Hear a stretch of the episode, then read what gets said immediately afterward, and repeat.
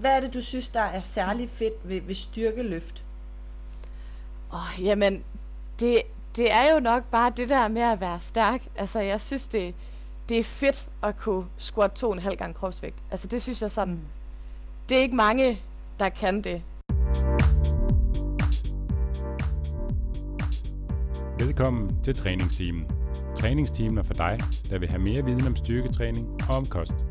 En podcast fri for bro science og quick fixes.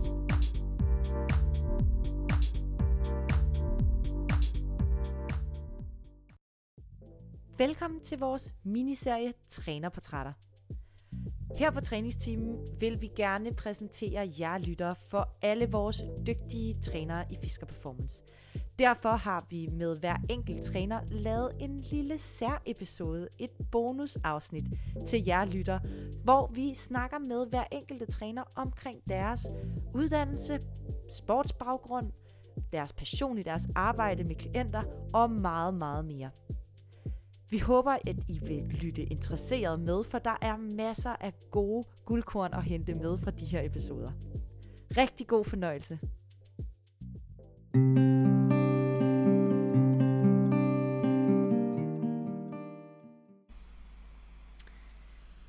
Jeg er din vært, Michelle Linder, og du er tunet ind på et trænerportræt. I dag har jeg øh, online besøg af Mathilde. Hej Mathilde. Hej. Og Mathilde, du er jo øh, faktisk en af vores nyeste træner i Fisker Performance, og holder til, øh, i hvert fald lige nu, oppe i, øh, i Aarhus i Klub Fisker. Og øh, i dag, der skal vi snakke øh, rigtig meget om, om dig, Mathilde, og, øh, og det her, den her episode bliver faktisk en lille smule speciel, fordi øh, det, er, øh, det skal ikke være nogen hemmeligheder. Det er første gang, at øh, Mathilde og jeg, vi snakker sammen i dag, og, øh, og derfor så bliver, øh, så bliver det her også en øh, øjenåbende episode for mig selv, fordi at øh, jeg skal også lære øh, Mathilde at kende. Yeah. Øhm, men ikke mindst, så bliver det en rigtig spændende episode, fordi at uh, Mathilde har skrevet uh, et rigtig spændende uh, speciale, som vi skal høre lidt mere omkring. Uh, der er, jeg kan allerede give en lille teaser. Uh, det handler omkring uh, ens uh, tilgang uh, til træning og træningsmiljøer, og hvordan at man kan skabe nogle, uh, nogle relationer der, som faktisk kan forbedre uh, følelsen af, uh, af ens uh, selvtillid og selvværd, og man kan ændre på... Uh, på øh, den slags ting. Men jeg vil lade øh, Mathilde forklare det, fordi det handler, øh, det, det kan du meget bedre forklare, end jeg kan. øhm, og øh, så skal vi selvfølgelig også høre en masse om, omkring, øh, hvem du er, Mathilde, og hvad, øh, hvad, hvordan du træner, og hvordan du er blevet en del af Fisker Performance. Ja. Så skal vi ikke bare springe ud i det, øh, Mathilde? Vil du ikke forklare, øh, eller bare fortælle lidt omkring, øh, hvem er du, og hvor bor du henne, og hvad laver du i din hverdag? Jo, det kan du tro. Øh, jamen, jeg hedder som sagt Mathilde. Øh, jeg er 26, og så er jeg uddannet kanskyndig idræt med sidefag i dansk. Jeg har forsvaret mit speciale i januar 2020, øh, og arbejdet sideløbende med min kandidat som gymnasielærer. Øh, og så har jeg det seneste år arbejdet som efterskolelærer på Lyngs Idræts Efterskole. Øh, så jeg har været bosat i Holstebro de seneste mm. år, men flytter til Aarhus til august. Ja, øh, derudover har jeg arbejdet som personlig træner, og også lidt som CrossFit-instruktør eller holdinstruktør her de seneste to år. Først i Performance Lab og CrossFit Læret, øh, og sidenhen hos Fisker Performance. Mm. Ja, og så, øh, så træner jeg selv en del. ja. tror jeg godt, man kan sige. Ja. Fedt. Mm. Hvad, øh, men du bor lige nu i, i Holstebro så? Ja, det gør jeg. Okay, og så ja. flytter I i løbet af de næste par måneder? Ja, jeg har fået lejlighed fra 1. august, så øh, det bliver spændende. Dejligt. Ja. Hvad hedder det? Øhm, du har, øh, du fortæller så lidt omkring det her med, at du træner meget. Kan du ikke øh, bare springe ud i, øh, i hvordan er du øh, blevet sådan øh, hook på det her med at træne? Jo, det kan jeg tro. Altså det har været, øh, været sådan lidt en lang rejse, tror jeg, med forskellige sådan, sidespring undervejs. Øh, jeg startede med at træne, sådan styrketræne, jævnligt i hvert fald, i 2014, da jeg startede på mit studie. Mm. Øhm, men jeg kørte sådan lidt død i det der sådan fitness world og den sådan æstetiske optagethed, som jeg i hvert fald selv oplevede. Øh, og derfor startede jeg til CrossFit i foråret 2018. jeg havde brug for at prøve noget nyt og noget anderledes, øh, og jeg blev ret hurtigt glad for det, og jeg blev ret betaget af den sådan relativt hurtige udvikling, jeg så, hvor jeg sådan lærte en masse nye bevægelser og fik brugt min krop på en anden måde, end jeg havde været vant til. Øhm, og i den periode blev jeg også sådan ret fokuseret på det der med at blive bedre, og jeg var også bevidst om, hvor meget det krævede egentlig at blive god til CrossFit, fordi sporten netop er bygget op omkring så mange forskellige komponenter. Mm. Øhm, og jeg er lidt på den måde, at når jeg sådan beslutter mig for at gøre noget, så går jeg ret helhjertet ind i det. og derfor trænede jeg enormt meget det første halve år, efter jeg begyndte til CrossFit. Ja. Jeg nåede også at deltage i tre konkurrencer, både individuelt, i teams og i mixed teams. Øhm, men netop det der med, at jeg trænede så meget, jeg trænede stort set hver dag, og mange timer, og nogle gange flere gange om dagen. Øhm, det betød så også, at jeg erhvervede mig et par skader. Øhm, ja, særligt. Det er den klassiske historie, tror jeg. og det er det altså bare, det der med sådan at gøre tingene i lidt for overdreven grad. Øhm, ja, så jeg havde særligt sådan problemer i hofte, bækken, rygregionen. Det begrænsede mig ret meget med hensyn til mm. bevægelser. Øhm, og fordi jeg ikke rigtig var i stand til at lytte til min krop på det tidspunkt, øh, ved heller ikke, om jeg sådan rigtig er det nu.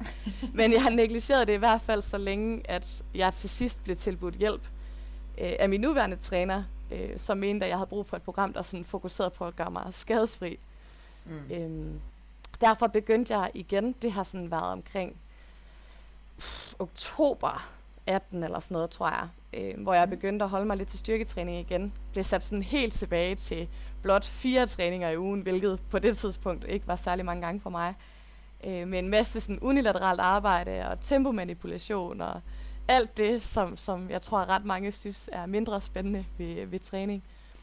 Og på det tidspunkt blev jeg også ret bevidst om, hvor vigtigt det var for mig sådan at have et mål med min træning, for sådan fortsat at kunne motivere mig selv til at lave noget af det her, som jeg synes var mindre interessant. Mm.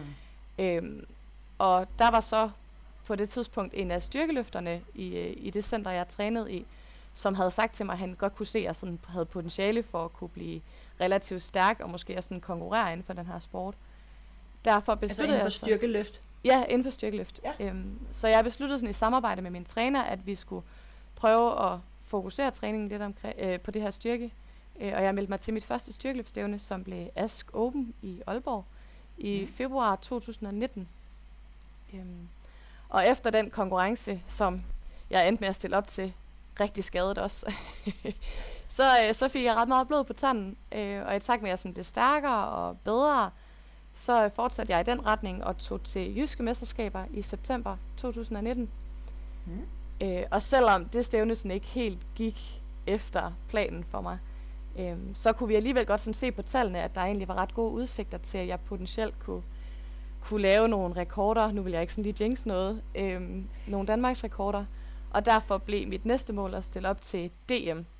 Hvilket okay. jeg stiller op til her i øh, september i år. Mm.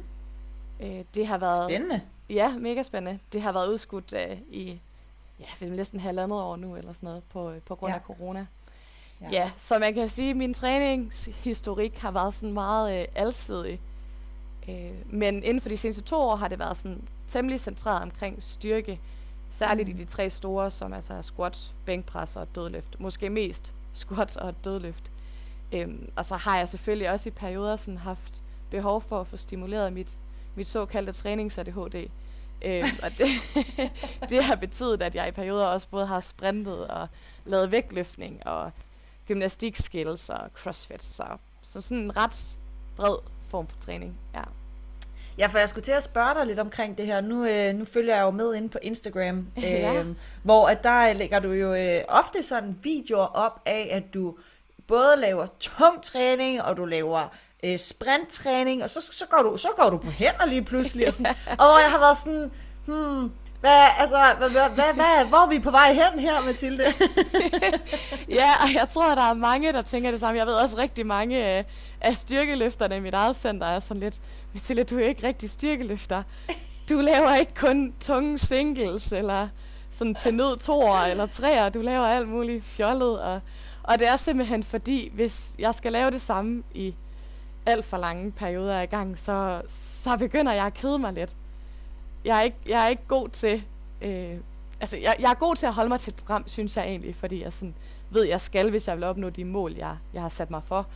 Og derfor er der selvfølgelig også sådan lange perioder, hvor jeg har en meget målrettet, målrettet træning, og kun laver de her tunge løft, og kun squatter, bænkpresser, dødløfter, og laver lidt, lidt støtteøvelser, og ikke mm. rigtig kan få afløb for, for noget af alt det andet, der sådan håber sig op i mig. Men jeg har, jeg har også perioder, hvor min træner godt ved, okay, hvis, hvis vi sådan ligesom skal kunne få hende tilbage på sporet, så er vi også nødt til at give plads til noget af alt det andet. For jeg synes, det er vildt sjovt at sprinte, og jeg synes, det er fedt at gå på hænder og lave muscle-ups og alle sådan nogle ting, som, som er meget atypisk for styrkeløftere. Så jeg er sådan lidt, lidt øh, et cirkus i den verden der.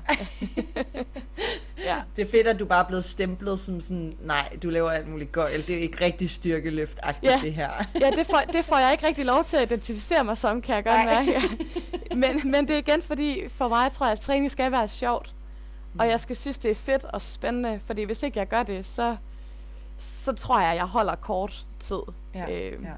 ja.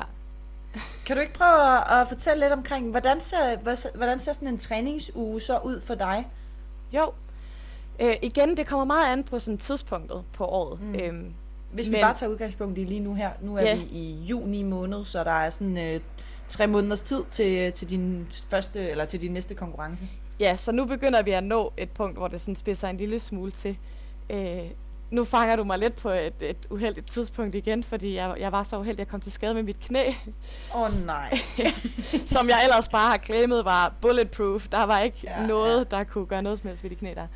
Øhm, men lige nu begynder jeg at træne en lille smule mere specifikt igen. Så okay. jeg træner cirka fire gange i ugen. Det er sådan det, jeg kan komme afsted med, øh, uden at få skader og uden at sådan ramme en overtræningsfase. Særligt fordi nu konkurrerer jeg i en vægtklassesport, og er mhm. sådan lige til den tunge side. Så det betyder, okay. at jeg har et lille vægttab kørende sideløbende med, med tung træning. Så fire gange i ugen er sådan max. Nogle gange har jeg faktisk været helt nede på tre gange i ugen. Mm. Øhm, men så er, kører jeg som regel sådan et to-split, øhm, eller sådan to-split kombineret med noget helkropstræning. Så jeg har en squat-variation, jeg har en dødløft-variation, som regel, og nu skal jeg tage i gang med det igen, en form for øh, bænkpres-variation, og så har jeg nogle, nogle støtteøvelser til, til min ryg og til min bagkæde. Ja, ja. Så, så sådan meget styrketræning specifikt egentlig, mm. ja. Mm. Fedt. Og hvor lang tid træner du så i gang? Åh, det kommer an på, hvor, hvor doven jeg er, så nu er jeg jo alligevel lidt styrkeløfter. Øh, nogle af passene er temmelig lange. Det er som regel et par timer. Øh, no, nogle gange har jeg også været heldig, at været helt nede på halvanden time, andre gange to og en halv timer. Det er sådan lidt sådan alt efter, hvilket program jeg kører. Når jeg har de her helkropstræninger, så bliver det de her to timer, to og en halv timer, når jeg træner. Det er også lang tid. Det er meget lang tid. Øhm, og det er fordi, når jeg har tunge løft især, så skal jeg jo gerne have de her minimum tre minutter imellem sæt. Mm. Og lige nu har jeg sådan ret høj volumen også. Så jeg laver de her 5-6 sæt i de første to blokke i hvert fald, så alene det tager sådan relativt lang tid, og der kan være noget med noget setup og sådan noget, men sådan, mm. sådan kvalitet er måske også kun halvanden time. Ja. Mm. Men det er lang tid. Men så træner jeg også kun fire gange i ugen, så man kunne godt sprede volumen en lille smule ud, og så have en højere frekvens, så måske trænede seks gange i ugen, og så kun en time. Ja, ja. Men det er jo stadigvæk, der er du, så der er du alligevel ret styrkeløfteragtig. Der kan du godt øh, identificere dig som styrkeløfter, fordi det er jo typisk de der meget, meget lange træningspas. Øh, ja. Jeg ved også, vi har lige, øh, jeg har lige lavet øh, en trænerportræt med Emil Fuglsang, som er udkommet øh, også lige øh, for nylig, og øh, mm. øh, der fortæller han jo også, altså sådan, der, han, han træner jo også meget lang tid ad gang. Det kan jo godt tage øh, lang tid. Altså den anden dag var han nede og træne i Klub Skov øh, her i København ved os, Øhm, og, øh, og der, øh, der klarede han sgu træning alligevel på halvanden times tid. Der var jeg imponeret. Der var jeg sådan, ja, det er, det, det er altså flot, Emil. det var mega hurtigt. Jamen, jeg trænede også en dag med, med Lasse Tim, og det var sådan, han nåede jo også igennem hele sit træningspas, inden jeg var færdig med at squat. ja, ja. Men nu er det så også, fordi min gamle krop trænger til opvarmning, så det bruger jeg også immer væk en halv time på, tror jeg. Ja. men, det er sjovt. Men uh, stadigvæk, så tror jeg, der er nogle af styrkeløfterne om for det sted, hvor jeg træner, som vil sige, du er stadig ikke rigtig styrkeløfter, du holder kun 3 minutter, hvor bliver de der sådan 5-10 minutter mellem hvert sæt af? Det er også for vildt, altså. ja, det er, det er helt vildt. vanvittigt. Så når de har lavet femmer, så lyder de som nogen, der har løbet et halvmarathon. Så det er sådan, der er lidt forskel stadigvæk, fordi jeg, jeg, jeg ynder sådan at, at holde en, en vis aerob base, bibeholde en vis aerob base, ja. Ja, jeg skal til at sige, det er jo også, fordi det er jo meget anderledes end CrossFit for eksempel. Så sådan, mm. hvad, er det, hvad er det, du synes, der er særlig fedt ved, ved styrkeløft? Åh, oh, jamen, det, det er jo nok bare det der med at være stærk. Altså, jeg synes, det, det er fedt at kunne squat to og en halv gang kropsvægt. Altså, det synes jeg sådan, mm. det er ikke mange, der kan det. Øhm, hvorimod, og det skal også sådan passe på med, hvad jeg siger, men, men alle kan sådan, så ved jeg godt, alle kan løbe 10 km, så ved jeg godt, så er der forskel på tiden. Der er nogen, der bare kan gøre det hjernedødt hurtigt, hvor det er sådan, der står jeg helt af. Men, men jeg synes bare, det der med at være stærk, og så tror jeg samtidig det der med, at jeg faktisk er god til det. Det er nok mm. det, der har været det essentielle for mig at finde ud af, at, at jeg ikke bare sådan yes, kan squatte, men at jeg faktisk kan squatte på niveau med de bedste i Danmark. At mm. Det er noget af det, der, der tiltaler mig mest. Men når det er sagt, så, så synes jeg, det er vildt fedt at ligge på gulvet efter en CrossFit workout og føle, at jeg skal kaste mine lunger op. Altså, det synes jeg også kan noget. Så, så det er derfor, jeg ikke sådan helt kan holde mig til, til én ting, at jeg har brug for det der med også at få stimuleret andre dele. Mm. Og sådan, og set ud fra et sundhedsmæssigt perspektiv, så synes jeg også, det er vigtigt, at, at man holder sig i form, og ikke kun laver tunge løft. Um, og det er så ligesom et, et tidspunkt og et sted for, for alt det der, og, og derfor bliver det periodiseret. At så har jeg tidspunkter, mm. hvor jeg hvor jeg har plads til og så arbejde med mit kredsløb, og så er der perioder, hvor jeg tænker, nu er det så længe siden, jeg har cyklet eller løbet, at jeg, jeg har problemer med at gå op ad trapper, så det, det, det er sådan lige med at finde balance. Ja. ja, ja, det er sjovt. Jeg synes, det er, det er ret fedt, det du siger med sådan, det der med at være god til noget. Det er jo sådan en ret uh, afgørende faktor. Altså det, ja. det hører jeg bare rigtig tit, at Øh, nu har jeg selv øh, skrevet speciale omkring øh, kvinder, der har stillet op til fitnesskonkurrencer, eller som, som stiller op til fitnesskonkurrencer. Og mm. øh, noget af det, der var den drivende faktor for, at de gjorde det, var jo også, at der var en eller anden ekstern person, altså en eller anden i deres omgangskreds, en træner, eller en i deres træningscenter, eller et eller andet, som sagde til dem, det her, det kan du blive virkelig god til. Synes du mm. ikke, at du skal prøve at gå den vej? Ja. Og så er det ligesom, altså sådan, det var der rigtig mange af dem, jeg interviewede, som nævnte som en drivende faktor, da de startede selvfølgelig, ikke? Altså det var sådan, mm. det der ligesom satte det i gang, og deres tanker i gang omkring det. Og så blev de gode til det, og så var det ligesom om, så holdt det dem til ilden, ikke? Ja, lige nøjagtigt, fordi jeg har heller aldrig selv tænkt, at jeg hverken var særlig stærk eller særlig god til noget, og Nej. kom så ud i det der træningsmiljø og fik en hel masse anerkendelse og ros for også at være god til CrossFit, og det var klart det, der sådan tror jeg, fik mig til at blive en del af det der miljø i første omgang, det var jo, at der var mm. nogen, der sagde, okay, det kan du da faktisk godt finde ud af. Og, og ja. der er sådan en fed stemning og en masse relationer, man får den vej igennem. Så det var det, der sådan bandt mig der. Øh. Ja. Og da jeg så lige pludselig bare sådan skulle træne for at blive skadesfri, så er sådan lidt, hvad kan jeg bruge det til? Jeg bliver, ja. det er da ikke god af. og så jeg mærkte, så skulle det ligesom være noget andet. Og så fik jeg at vide, at du er faktisk også ok stærk. Og så tænkte jeg, nå, jamen, så skulle jeg da måske prøve at gøre noget ved det. ja. ja. ja. Jeg har to spørgsmål mere i forhold til din egen træning. Det mm. ene spørgsmål er, du nævnte det her med, at du stiller op i en vægtklasse. Hvor, øh, hvad, hvordan inddeler man sådan noget med vægtklasser? Eller sådan, hvad, hvad ligger du i af vægtklasse? Jamen, øh, jeg ligger faktisk sådan lige midt imellem to. Okay. Øh, sådan tidligere, inden jeg begyndte at styrketræne rigtig meget, der har jeg altid været omkring de her sådan 56-57 kilo. Og derfor var tanken også, at jeg skulle stille op i minus 57 kilo klassen. Mm. Men i takt med, at jeg begyndte at styrketræne, så, øh, så byggede jeg også lidt bøffer, øh, og blev også for tung til, til min vægtklasse. Og på nuværende tidspunkt vejer jeg de her sådan 59,5 kilo cirka. Så jeg kunne enten stille op i minus 63 kilo klassen, og så ville jeg ikke sådan skulle tænke på min vægt Øh, eller også så kan jeg gå ned i minus 57 kilo klassen. Og det, der mm. selvfølgelig sådan gør minus 57 kilo klassen mere tiltalende for mig, det er, at jeg er mere konkurrencedygtig dernede, end jeg er i 63 kilo klassen. Fordi lige nu har jeg udsigter til nogle Danmarks rekorder, som jeg godt kunne tænke mig at slå. Ja. Og det kræver bare, at jeg er let nok til det. Øhm, så derfor skal jeg smide de her sådan 2,5 kilo. Alternativt stille op i minus 63, og så sådan stadigvæk sandsynligvis være i den gode ende, men klart ikke den bedste. Ja. Ja. Ja, og det er jo fordi, altså grunden til, at, I, at der bliver inddelt i de her øh, vægtkategorier, handler jo om, at man beregner tallene, som jeg har forstået det, ud fra kropsvægten. Kan det passe? Øh, hvis man skal sammenligne folk på tværs af vægtklasser, så kører man efter det, der hedder, tidligere hed det en Wilks-score, nu hedder det en IPF-score. Og der gør man det så op i forhold til køn, vægt og hvad man løfter. Så kan man sammenligne en minus 72'er med en minus 57'er for eksempel. Ja. Men det her med vægtklasserne, så konkurrerer man på lige niveau i de vægtklasser. Ah. Så det vil sige, så er det lige meget, om man vejer 53 kilo, eller om man vejer 57 kilo. Så er det den, Ja. der løfter tungest af de to, som vinder. Yes. Ja. Okay. Og nu jonglerer du jo lidt rundt med nogle tal, som i mine egne ører personligt øh, lyder meget lave, øh, sådan at ligge under 60 kilo. ja. øh, men det er også fordi, jeg er 1,74 høj, og jeg tænker sådan, øh, under 60 kilo, det var dengang, jeg var på øh, konkurrencediæt og var fuldstændig øh, ja. tynd som et øh, sugerør, skulle jeg til at sige.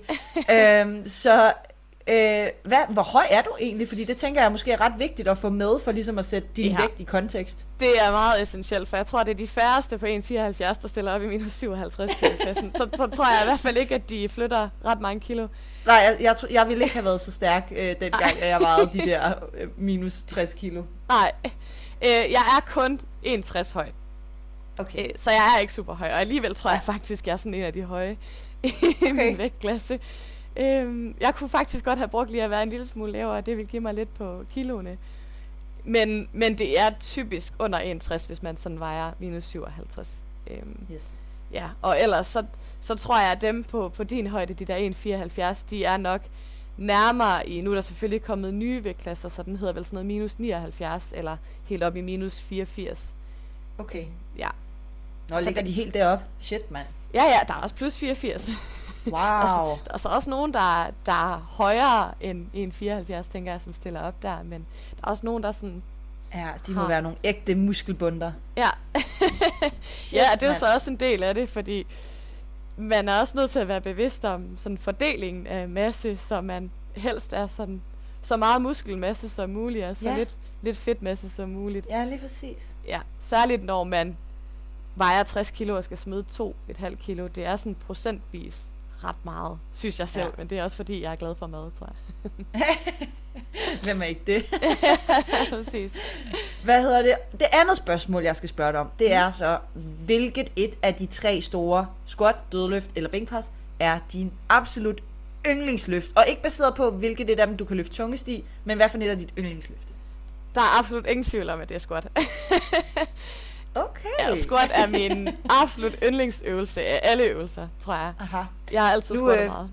Så forstår jeg, øh, så forstår jeg, hvorfor at dig og øh, Steffen Fisker i, i bonder så godt. Øh, jeg, jeg, kan se, jeg kan se relationen der i hvert Ja, fald. det kan vi i hvert fald blive enige om. Det er stensikkert.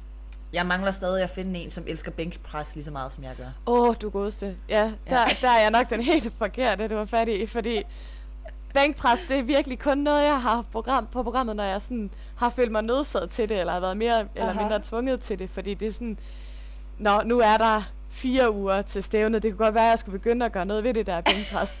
Det, det er som om, jeg sådan lidt glemmer, at det er egentlig totalen, man vinder på, og ikke bare, bare tunge squats. Det er Ja. sjovt. Ja, men jeg tror yes. egentlig, altså sådan, hvis man kigger på min kropsbygning, vil de fleste nok sige, at jeg skulle være ret god til, til dødløft nærmere en squat, fordi Mm. jeg har lidt lange lårben og en ret kort torso og sådan noget, men, men squat, det har bare altid været, været min ting. Jeg har squattet rigtig, rigtig meget. Mm. Ja. Og altså, det man øver, det bliver man også god til. det gør man nemlig, ja. Fedt.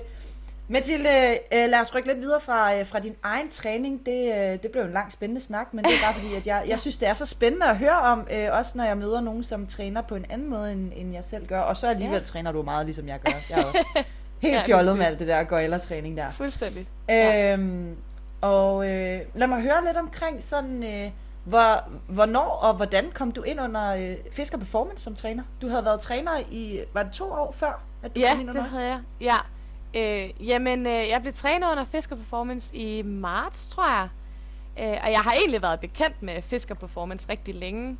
Øhm, og sådan særligt deres koncept omkring veluddannede trænere og sådan en evidensbaseret tilgang til træning var noget af det, der tiltalte mig. Øh, særligt tror jeg, fordi vi sådan lidt lever i et samfund i dag, hvor rigtig mange ynder at kalde sig personlige træner, fordi det jo ikke er en ubeskyttet titel, og derfor også en titel, som måske tilfalder nogen, som efter min mening ikke besidder de, de nødvendige kompetencer. Og mm. det var sådan en af årsagerne til, at jeg gerne ville være en del af netop det her team, Fisker Performance. De har en filosofi, som jeg kan stå inden for, og som er i overensstemmelse med min egen anskuelse af, hvad personlig træning er og bør være. Øhm, derfor øh, sendte jeg så en uopfordret ansøgning til Steffen, hvor jeg beskrev, hvem jeg var, og hvad jeg mente, jeg kunne byde ind med. Øh, og han svarede tilbage, at, øh, at han synes, jeg skulle mødes til en samtale med ham og Rune Hoggen. Mm. Så jeg sådan kunne uddybe mine øh, selvhævdede kvalifikationer.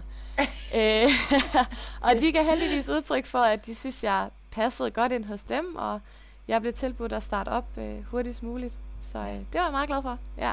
Spændende. Var, var du mellem øh, arbejde der, eller var du lige blevet færdiguddannet? Hvad, hvad var det, der ligesom gjorde, at du tænkte, nu skal jeg søge nye veje? Jamen, øh, nu har jeg jo arbejdet som efterskolelærer det seneste år, hvilket også har været ja. super sjovt og spændende, men jeg har også og været... udfordrende? Meget udfordrende.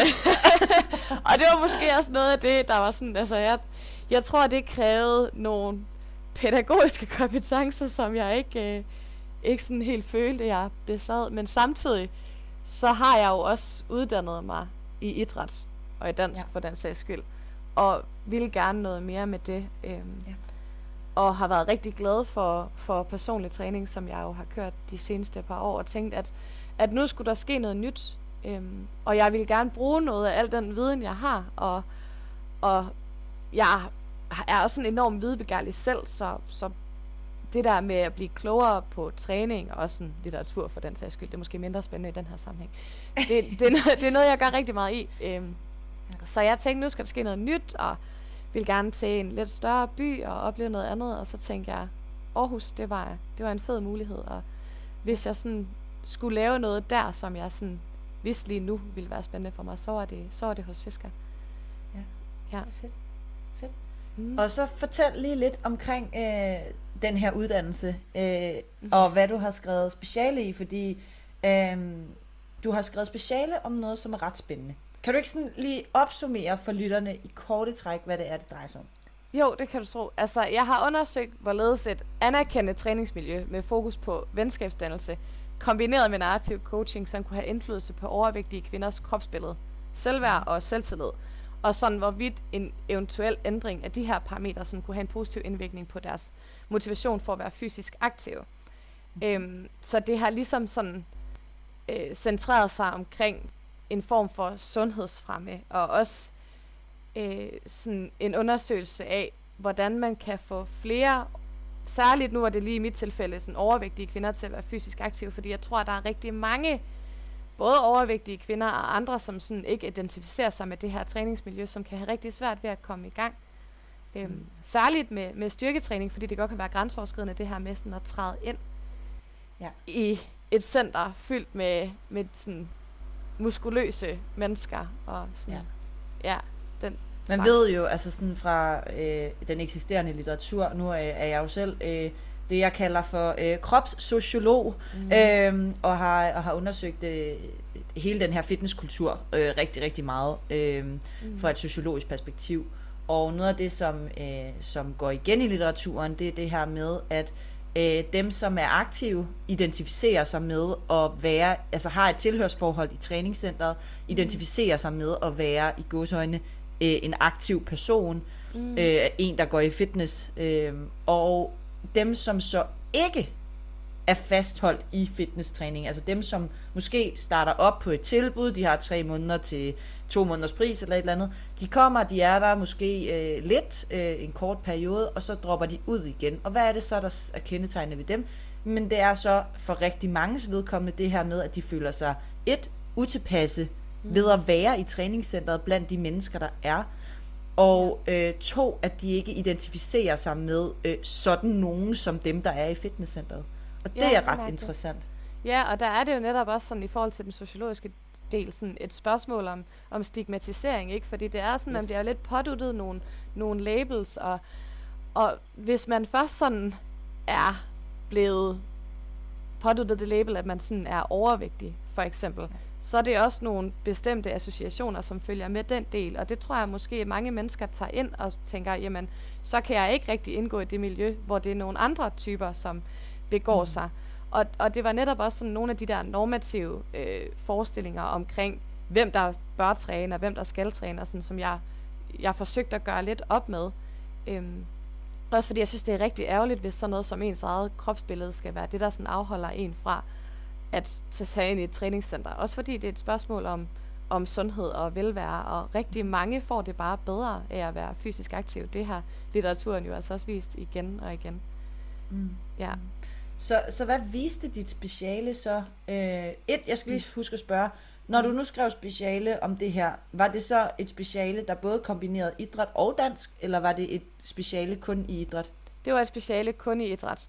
Okay. Øhm, og det fokuserede ligesom på de her mange forskellige komponenter, som jeg har nævnt, øh, og de havde til formål at afdække, hvordan de her overvægtige kvinder kunne finde lysten til og glæden ved at være fysisk øh, aktive. Og der så jeg en enorm udvikling i løbet af de der 10 uger, særligt fordi det var øh, kvinder, som havde nogle af de samme problemer og nogle af de samme tanker, både omkring, hvordan de så ud, og, og sådan frygten for at skulle træde ind i et træningscenter. Og derfor havde jeg også brugt det her øh, coaching-komponent, netop med henblik på, at de kunne få et talsat nogle af alle de her følelser, og finde ud af, at de faktisk ikke er alene mm. om at, at have det på den måde. Og da de så i løbet af de her 10 uger øh, begynder at træne, finder de jo ud af, jamen, jeg kan også det, som alle de andre kan. Jeg kan også godt mm. squatte, og jeg kan også godt presse vægt over hovedet, og jeg kan også være med i en workout, der får mig til at ligge og svede på gulvet efterfølgende. Mm. Øhm, og, og det er jo også noget af det, der har gjort træningsarbejdet rigtig meningsfyldt for mig.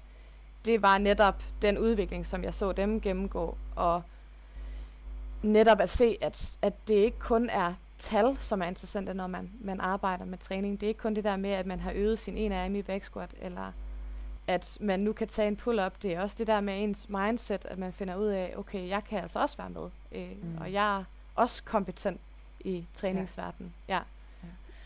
Nu nævnte du før det her med, sådan, det du synes er særlig uh, nice ved, mm. ved, ved træning. Det er det her med at være stærk.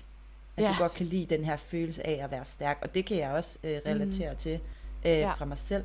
Hvordan oplever du det i dit arbejde som personlig træner? Er det noget, som dine klienter også udtrykker, eller hvordan? Det her med at være stærk? Ja. Øh, ja, det er det sådan i overvejende grad i hvert fald. Øhm, mm. Og det er måske også igen det der med, at man kommer ind og har aldrig nogensinde prøvet det før. Så går der fire uger, og så øh, sætter man sig ned og rejser sig op med 50 kilo, og det, er sådan, det kan være vildt overvældende for mange af dem, tror jeg, fordi de knap nok vidste, hvordan de skulle komme ned i sådan en bundposition til at starte med. Så det er helt sikkert også en del af det. Øhm, og altså, jeg har arbejdet med lidt forskellige mennesker, men det er primært de her, som har ret beskeden træningserfaring. Øhm, okay. og, og det er måske også noget af det, som jeg synes er særlig spændende, fordi det er fantastisk at lære mennesker noget nyt, og sådan gøre dem bevidst om, hvor meget de er i stand til at gøre med deres kroppe. Alt, hvad der sådan ligesom for dem bevirker en eller anden form for stolthedsfølelse eller selvtilfredshed. Mm. Jeg tror, det er det for mig, mm. som er vigtigst, og ikke det der med, hvor meget de, øh, de er i stand til at til at løfte efter 12 uger. Nej. Nej, fordi ja. en ting er jo at mm. være objektivt stærk. Andre mm. mennesker synes, at du er stærk. Men mm. det, som jeg egentlig også øh, tænkte på med det her spørgsmål, er også lige så meget det her med øh, følelsen af at være stærk. Ja, og det tænker jeg relaterer sig rigtig meget til det, du også, øh, det, til det, du også undersøgte hos de her kvinder. Altså en følelse af et at være...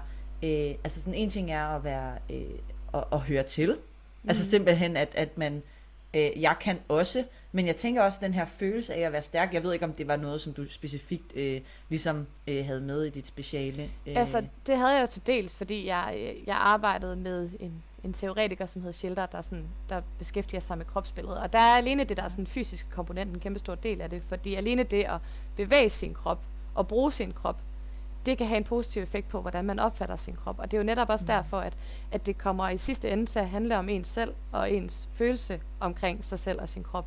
Og derfor er det jo heller ikke et spørgsmål om, at når nu squatter jeg 50 kilo, og det er for rigtig mange måske ikke særlig meget, men det er for mig en kæmpe sejr. Og, mm. og det var det, der sådan var i fokus, og det blev igen sådan forstærket gennem den anerkendte tilgang, netop sådan at være opmærksom på det, sådan vide, okay, sidste uge, der lavede du det her, nu laver du det her. Jamen, er du klar over, hvor imponerende det faktisk er, og en kæmpe stor udvikling, og en masse andre, der bakker en op og siger, hold kæft, hvor er du bare skide sej. Øhm, og, og det var sådan hovedfokus, netop den anerkendte tilgang, og, mm. og sådan finde ud af, at jeg er god nok, som jeg er, og, og det jeg kan, det er også skide fedt. Ja. Mm. Mm. Også selvom jeg ikke squatter to gange kropsvægt. ja, ja. ja, ja. Og, det er jo, og det er jo det, man, man skal jo altid huske at se det i lyset af ens egen udvikling. Altså, og, og ens egen øh, prioritering. Altså, fordi mm. at kunne squatte to gange egen kropsvægt, ja, det er, det er sgu da fedt. Altså, eller det er sejt. Det er, mm. det er sejt, når mennesker kan det. Men, men jeg tror da lige så meget, det handler om, hvad, hvad vil du gerne kunne? Fordi det er jo ikke alle, der har ambitionen om at squatte to gange kropsvægt. Og Nej. at kunne squatte med 30 kilo, 40 kilo, 50 kilo, øh, mm. eller alt derimellem. Altså sådan, det er jo lige så sejt. Det kommer jo an på, hvem man er, og, og hvad ens ambitioner er, og mm. der er ikke, og dermed ikke sagt, at der er en ambition, som er bedre. Altså det er ikke bedre Nej. at have en høj ambition, end ja. en lavere ambition i forbindelse med træning, men det er jo det der med, sådan, hvad vil man gerne have ud af træningen, ikke? Præcis, og jeg, og jeg tror ikke, der var nogen af de der 10 kvinder, som kom hos mig, der havde en ambition om, at de skulle løfte noget bestemt. Jeg tror Nej. faktisk rigtig mange af dem kom, fordi igen, jeg havde sådan ligesom specificeret, hvad det, det her speciale går ud på, og jeg tror, det talte sådan lige ind i dem, det der med frygten for netop at træde ind i et træningscenter, og mange af dem påtalte også, hvordan de flere gange havde øh, meldt sig ind i et fitnesscenter, og havde gået der i, ja, det ved jeg ikke, sådan måske været derinde to eller tre gange, og så følte, de der, så følte de sig så utilpasse, at det var bare slet ikke noget for dem, og nogen kom måske også med en forhåbning om, at at de kunne tabe sig, eller at, at de sådan kunne ændre på det æstetiske udtryk. Men i mm. sidste ende, så viste det sig bare, at, at det var en meget ubetydelig del af, af den der intervention, at det handlede langt mere om, at de fandt glæde ved at bevæge sig og være fysisk aktive. De var glade for at være der, de følte sig tilpasse. Og så var alt det der med kroppen, det var sådan ligesom bare et biprodukt, at Nå, mm. okay, så er det godt være, at jeg har tabt mig to kilo, men i virkeligheden, så er det ikke det, der betyder noget. Det, der betyder noget, er, at jeg har fundet ud af, at jeg kan godt lide at træne, og jeg har lige så meget ret til at træne, og træne på lige vilkår med alle andre. Altså, jeg tror, at det har været ja. langt større for dem. Ja. ja. Hvordan, øh, hvordan relaterer det sig så i dag? Altså sådan, hvordan bruger du det her i dit, altså dit arbejde til daglig? Jamen, øh, det, det bruger jeg jo egentlig sådan altid, fordi jeg tror også, min passion for, for træning sådan centrerer sig omkring mere sådan bagvedliggende mekanismer. Øh, fordi træning virker, og hvis man træner rigtigt, så skal man nok blive stærkere eller større, eller hvad ens mål nu end er. Øhm, men det kræver en lidt større tankevirksomhed, når man har med nogle individer at gøre, som, som ikke er der er udelukkende for at blive stærkere eller større, men, men hvor det er følelser og tanker og alt muligt andet, som fylder hos dem. Og så er det bare vigtigt at angribe dem som, som hele mennesker, hvis man kan sige det på den måde, uden det sådan skal lyde alt for filosofisk. Ja. Øhm, men at, at man måske fokuserer på noget andet, end, end det de løfter, sådan finder ud af, hvad, hvad er det for nogle problematikker, du, du har, og hvad er det, du godt kunne tænke dig at få ud af træningen? Altså, hvad, hvad er det, ja. du er her for? Og så ligesom gribe det an på den måde, og møde dem der, hvor de er, så de får den bedst mulige oplevelse. Og så er det måske tit noget andet, der er i fokus, end, end selve progressionen i træning. Ja, ja.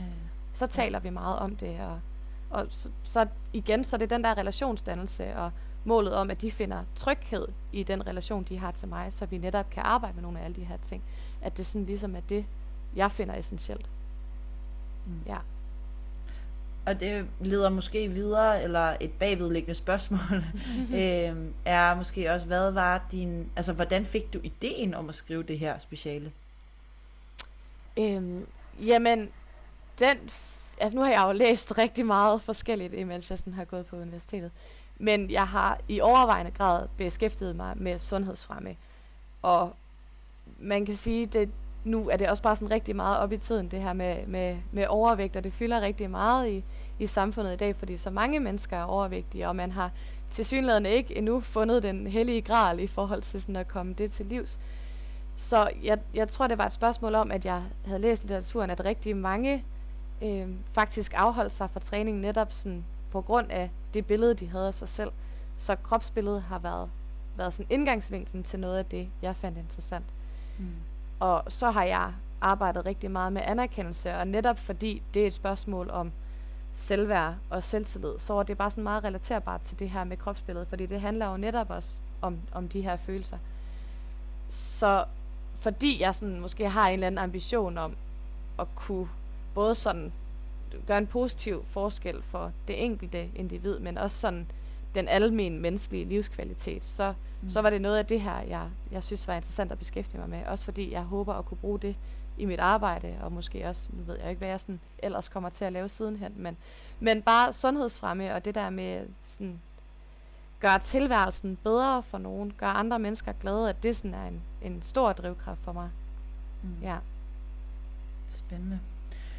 Mathilde, vi øh, har jo aftalt, øh, mig og Nikolaj og Steffen, mm. øh, at vi gerne vil lave en episode helt særskilt for øh, dit speciale, fordi det er et spændende projekt, og vi vil rigtig gerne øh, give den viden, som du har fundet frem til, øh, videre til vores lyttere. Nu har du øh, givet dem en lille smagsprøve øh, her i, i dit trænerportræt, og vi har snakket en hel masse omkring din egen træning. Og øh, jeg er blevet klogere på, hvem du er. Jeg øh, er blevet øh, øh, lidt mere nysgerrig også på at lære dig bedre at kende, og det håber jeg, at vi kan komme til. Øh, vi har jo en, en lille sommerfest, der står for døren øh, ja. snart. Øh, så lad os, øh, lad os øh, snakkes videre der, øh, du og jeg. Men hvis nu, at lytterne godt kunne tænke sig at følge lidt med i, hvad du går og laver, er der så et sted, hvor de kan følge med? Jeg tror, det bedste sted at følge med, det må være på Instagram. Yes. Der hedder jeg Mathilde Øster, eller Mathilde O. Øster. Så det ja. er med et OE, OE. i stedet for Yes. ja, Fint. Og det er bare lige ud. Fuldstændig, lige ud i en kør. Cool. Ja. Godt. Har du noget, øh, som du gerne vil øh, give videre til lytterne nu her, eller noget, som du synes, vi mangler at, øh, at snakke om? Det tror jeg ikke. Ellers så, så har jeg tid til lige at tænke over det til næste, næste podcast afsnit. Ja. Super fedt. Der skal nok være nok at tale om, tænker jeg. Og man kan jo fange uh, Mathilde også i, uh, i Klub Fisker, hvor hun har sin daglige gang og har, og har klienter. Men, uh, men hop ind på hendes Instagram-profil og uh, se med derinde, følg med derinde. Og så vil jeg bare sige tusind tak, fordi du havde lyst til at tage din uh, podcast uh, Mødt om sammen med mig, Mathilde. Tak fordi jeg måtte være med. tak fordi I lyttede med til jer, som har lyttet med hele vejen indtil nu. Hej! Og det var så afslutningen på denne episode. Hvis du gerne vil læse mere om træningstimen og om det enkelte afsnit, så kan du klikke ind på træningstimen.dk. Og hvis du har spørgsmål til den enkelte episode, eller har forslag til emner, vi kan tage op i en fremtidig episode, så har vi oprettet en Facebook-gruppe, som du kan tilmelde dig. Facebook-gruppen hedder Træningsteamen, og jeg håber, at du vil være med.